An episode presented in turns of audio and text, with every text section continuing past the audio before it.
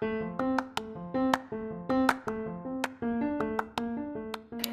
og velkommen til en ny podkastepisode. Jeg heter Anne-Berit Grostad, og ja, long time no see. Som sagt, i den forrige vanlige podkastepisoden så måtte jeg ta en liten pause for å konsentrere meg om jobb og studier i en periode.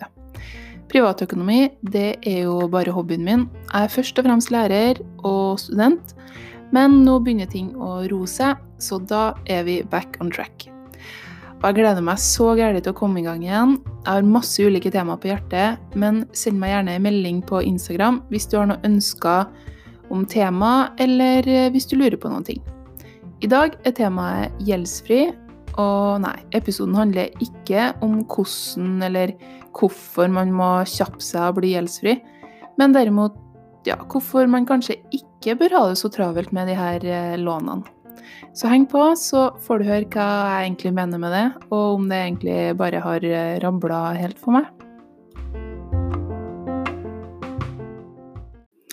Men altså, det å bli gjeldsfri, er ikke det digg, da? Er ikke det liksom det ultimate beviset på at nå har du fullstendig frihet? At du liksom har naila økonomien din? At du har runda eller ja, kanskje eller brutt ut av det gjeldsslavehamsterhjulet? Som eh, samfunnet vårt har designa for oss? Jo, ja, altså, det er jo sant at hvis du ikke har noe gjeld, så står du temmelig fritt. Fordi da er du ikke avhengig av å ha noe høy inntekt for å leve behagelig. For, for de fleste av oss så er det jo kanskje nettopp lånekostnadene, og spesielt boliglånet, da, som tar det største jafset av inntekta vår. Men til hvilken pris har du egentlig blitt gjeldsfri, tenker jeg. Har du brukt hele 20- og 30-årene dine på å jobbe som en gal, spink og spar, sånn at du kan cashe ut boliglånet ditt innen du blir type 40, og nå kan du liksom endelig leve livet i sus og dus? Er du da i så fall fornøyd med det livet som du har levd i denne tida? Har du hatt et godt liv underveis? Eller er det nå først, nå som du er gjeldsfri som 40-åring, at du endelig, egentlig kan begynne å leve? Hvor ble det da av de 20 årene før det?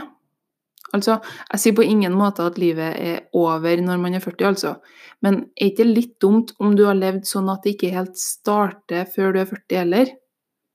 Men så klart, for noen så gir det sikkert en vanvittig glede og mening i å kunne jobbe og spare, og de føler kanskje ikke at de går glipp av noe. Og da har man jo så klart gjort et godt valg. Men for min egen del så er ikke den der innsatsen verdt det, og jeg skal komme tilbake til hvorfor litt senere. For jeg sa jo i starten at vi ikke nødvendigvis bør ha det så travelt med å betale ned de her lånene våre. Um, men det er jo det mange råder oss til, nå som mange av oss pga. denne rentenedgangen plutselig har fått litt ekstra å rutte med. Betal ned ekstra på lånet og bli gjeldsfri fortere. Men er det egentlig det du vil? Er det det som er viktig for deg? For altså, hvis du har et boliglån på 3 millioner over 25 år, og renta di gikk ned fra tja, la oss si 2,65% til 1,45% rente, så betyr det nå at den månedlige innbetalinga di har gått ned med 1800 kroner hver måned. Som betyr at du nå har 1800 kroner som du kan bruke til hva du vil. Hvis du velger å øke innbetalinga på lånet, eller altså å fortsette å betale inn samme sum som før, da, så er det nå en større andel som kommer til å gå, til å, gå med til å betale ned på selve lånet. Som betyr at du blir gjeldsfri fortere. Og ja, i dette eksempelet så betyr det at du nå da blir gjeldsfri fra boliglånet ditt om 21 år i stedet for om 25 år. Og det blir jo hyggelig. Om 21 år.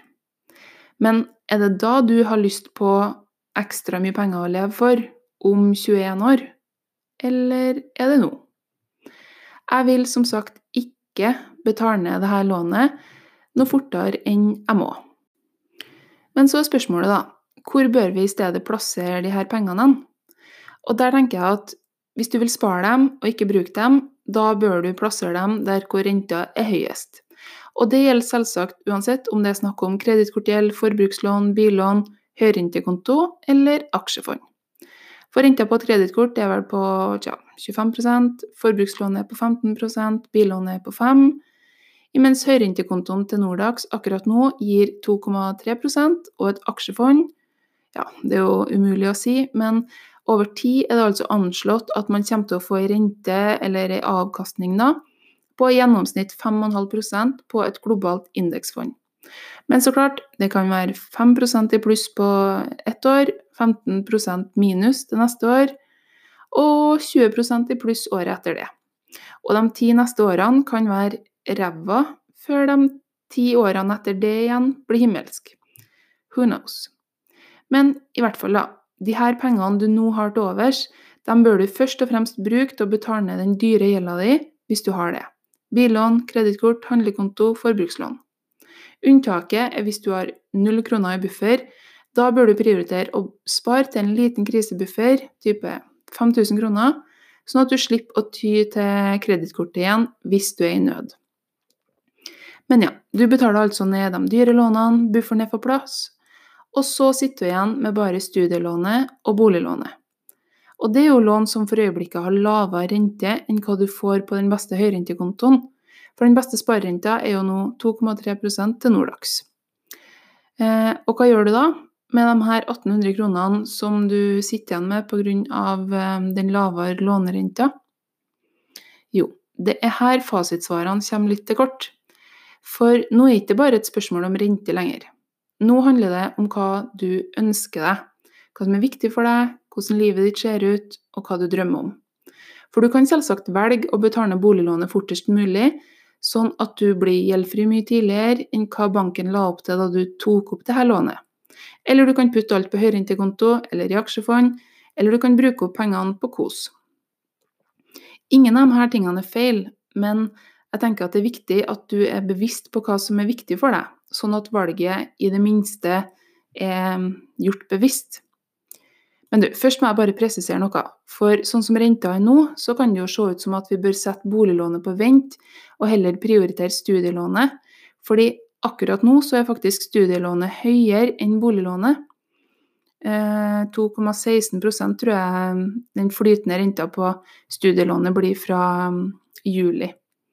Men det er nok forbigående at eh, forholdet mellom dem er sånn her. Og du skal jo ha de her to lånene i lang tid, og mye kan skje. Og studielånet har et par fordeler som gjør det bedre å ha studielån enn å ha boliglån. For for det første, hvis du dør, så sletter studielånet ditt, så arvingene dine arver ikke studielånet. Men de arver boliglånet.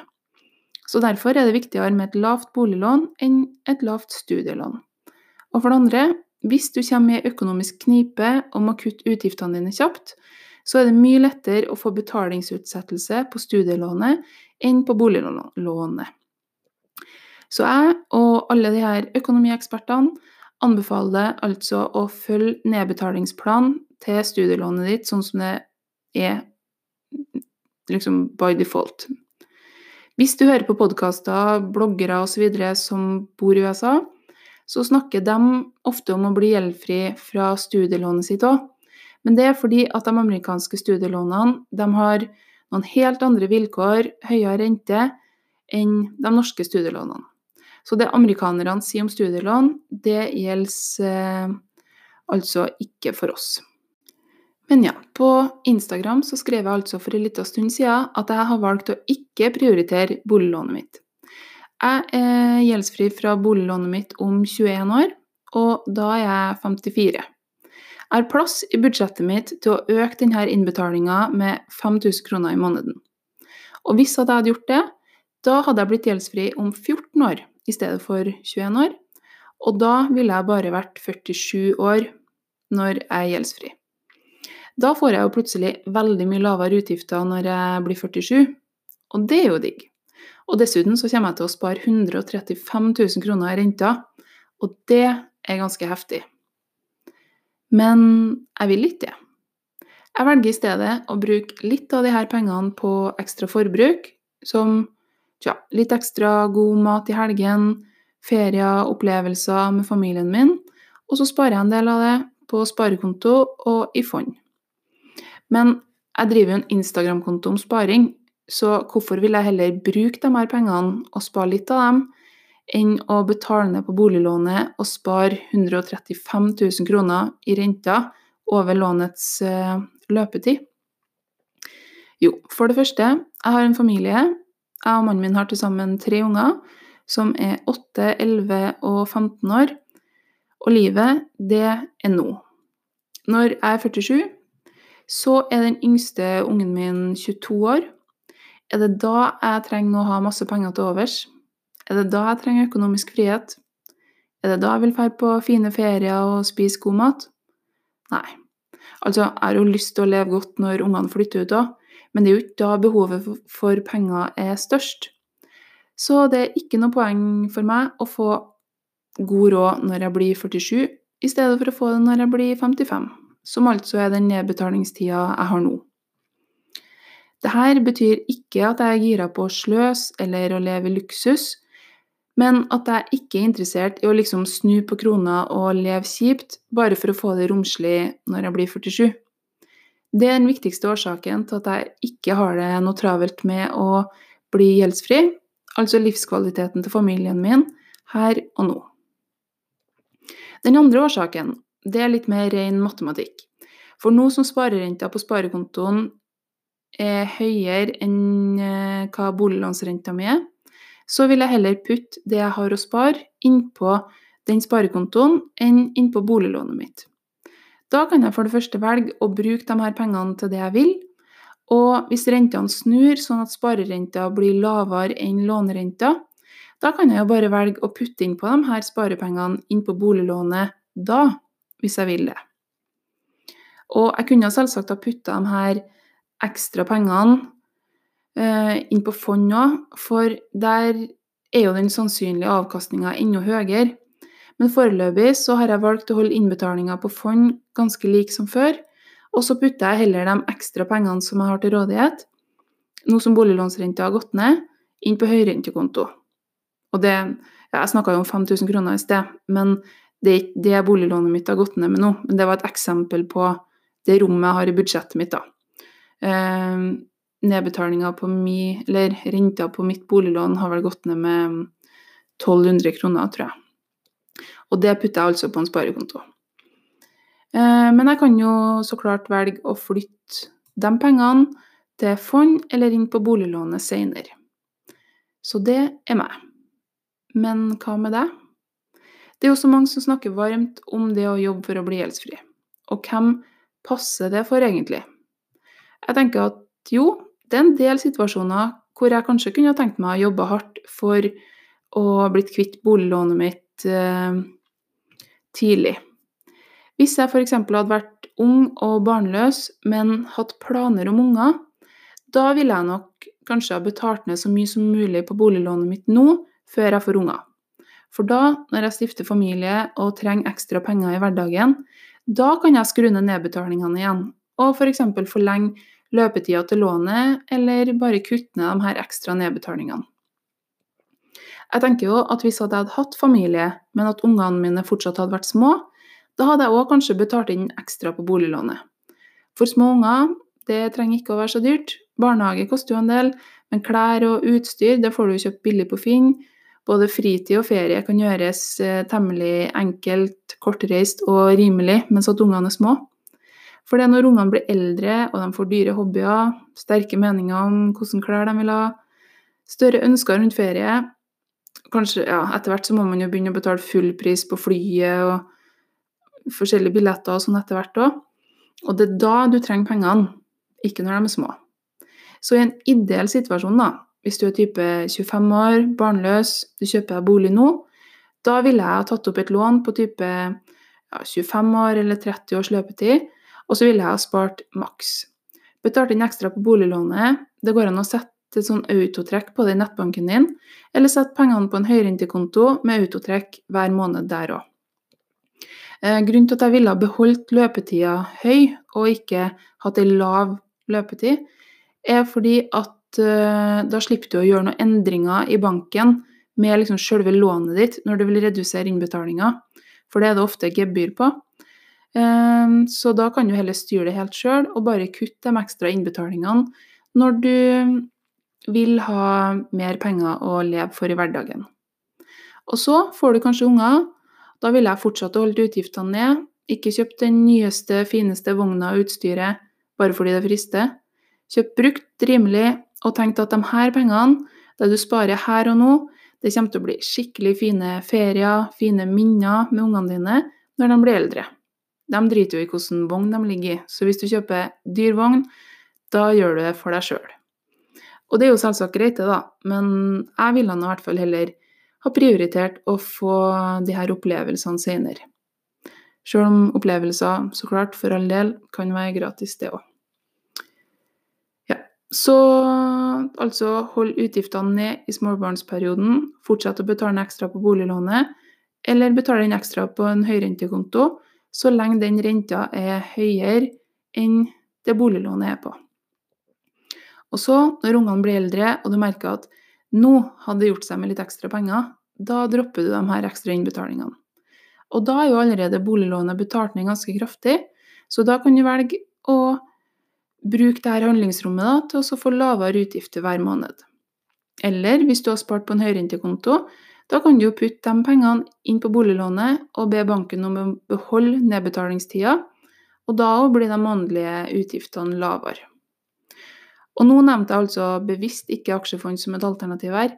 Og det er fordi jeg tenker at hvis du skal putte de her pengene inn på boliglånet om noen få år, da er jo ikke tidshorisonten din lang nok til at du bør velge fond. Men hvis du tenker mer enn type ti år fram i tid, da kan så klart fond være aktuelt òg. Så ja, du som foreløpig er barnløs og har stor arbeidskapasitet, du kan godt prioritere boliglånet ditt. Og du som er i andre enden, hvis du nærmer deg pensjonsalder om ikke så altfor lenge, da bør du òg prioritere boliglånet ditt. For når du blir pensjonist og inntekta di synker, da kommer du til å komme godt med og bli gjeldsfri ca. samtidig. For da får du jo lavere utgifter òg, og da har det jo ikke like stor effekt at du kommer til å få mindre utbetalt som pensjonist enn som lønnsmottaker. Yes, sånn er det altså. Eh, vi har så lett for å bli påvirka av det vi hører, og da glemmer vi liksom å tenke gjennom vår egen situasjon. Det er jo fint å jobbe for å bli gjeldfri, for da blir jo de månedlige utgiftene lavere når lånet er nedbetalt. Men eh, kanskje ikke nå du vil ha et lavt forbruk. For når i livet er utgiftene høyest? Jo, det kjennes i hvert fall ut som at det er når ungene dine er mellom 10 og 18 år. Forhåpentligvis så får de seg jo en deltidsjobb etter hvert, da. Og da kan de jo kjøpe sine egne klær og greier sjøl etter hvert. Men mat og ferie og opplevelser og varmt vann, det tenker jeg at vi foreldre bør betale. I hvert fall gjør vi det sånn. Så hvis du er i nettopp den perioden av livet nå, da må ikke du høre på dem som sparer maks, og som lever på nudler og tar ferien motvillig i hagen, hvis du egentlig vil spise godt og dra på utenlandsreise. For de sparer jo sånn for å få det romsligere i økonomien sin seinere, fordi det er da de tenker at de trenger pengene. Men hvis du trenger pengene nå, da må du jo bruke dem nå. Men så er det så klart forskjell på å bruke og sløse. Og hvis forbruket er så høyt at dere liksom ikke rekker å glede dere over tingene deres, da bør dere kanskje vurdere å skru ned krana litt. Og selvsagt, det er ikke snakk om å ta opp forbrukslån, leve på kredittkort og bare tenke yolo, for sjøl om du trenger mer penger nå enn når ungene blir voksen, så vil du jo ha et liv når de flytter ut òg, og da vil du ikke risikere å leve med et gjeldshelvete som gjør at du knapt har råd til å reise og besøke ungene dine, eller å hjelpe dem hvis de trenger det. Så ja, tenk deg om, og legg deg på en linje som eh, passer livet ditt, og ikke bare tenk hva som lønner seg i kroner og øre. Men ha det i bakhodet, selvsagt.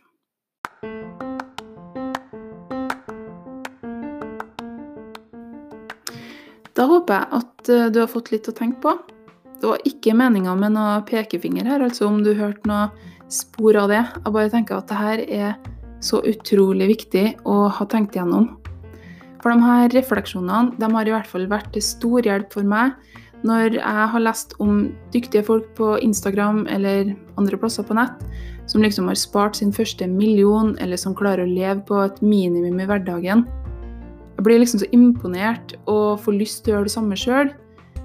Men så husker jeg at det er jo ikke det jeg vil. Jeg er ikke på samme punkt i livet som dem. Og nettopp sånne ting må du vurdere òg. Og du, husk å sende meg en melding hvis du har noen spørsmål eller innspill til tema eller problemstillinger i podkasten. Du finner meg selvsagt på Instagram som Spareglede. Og anbefal gjerne podkasten min til andre, eller gi meg en rating eller kommentar i iTunes.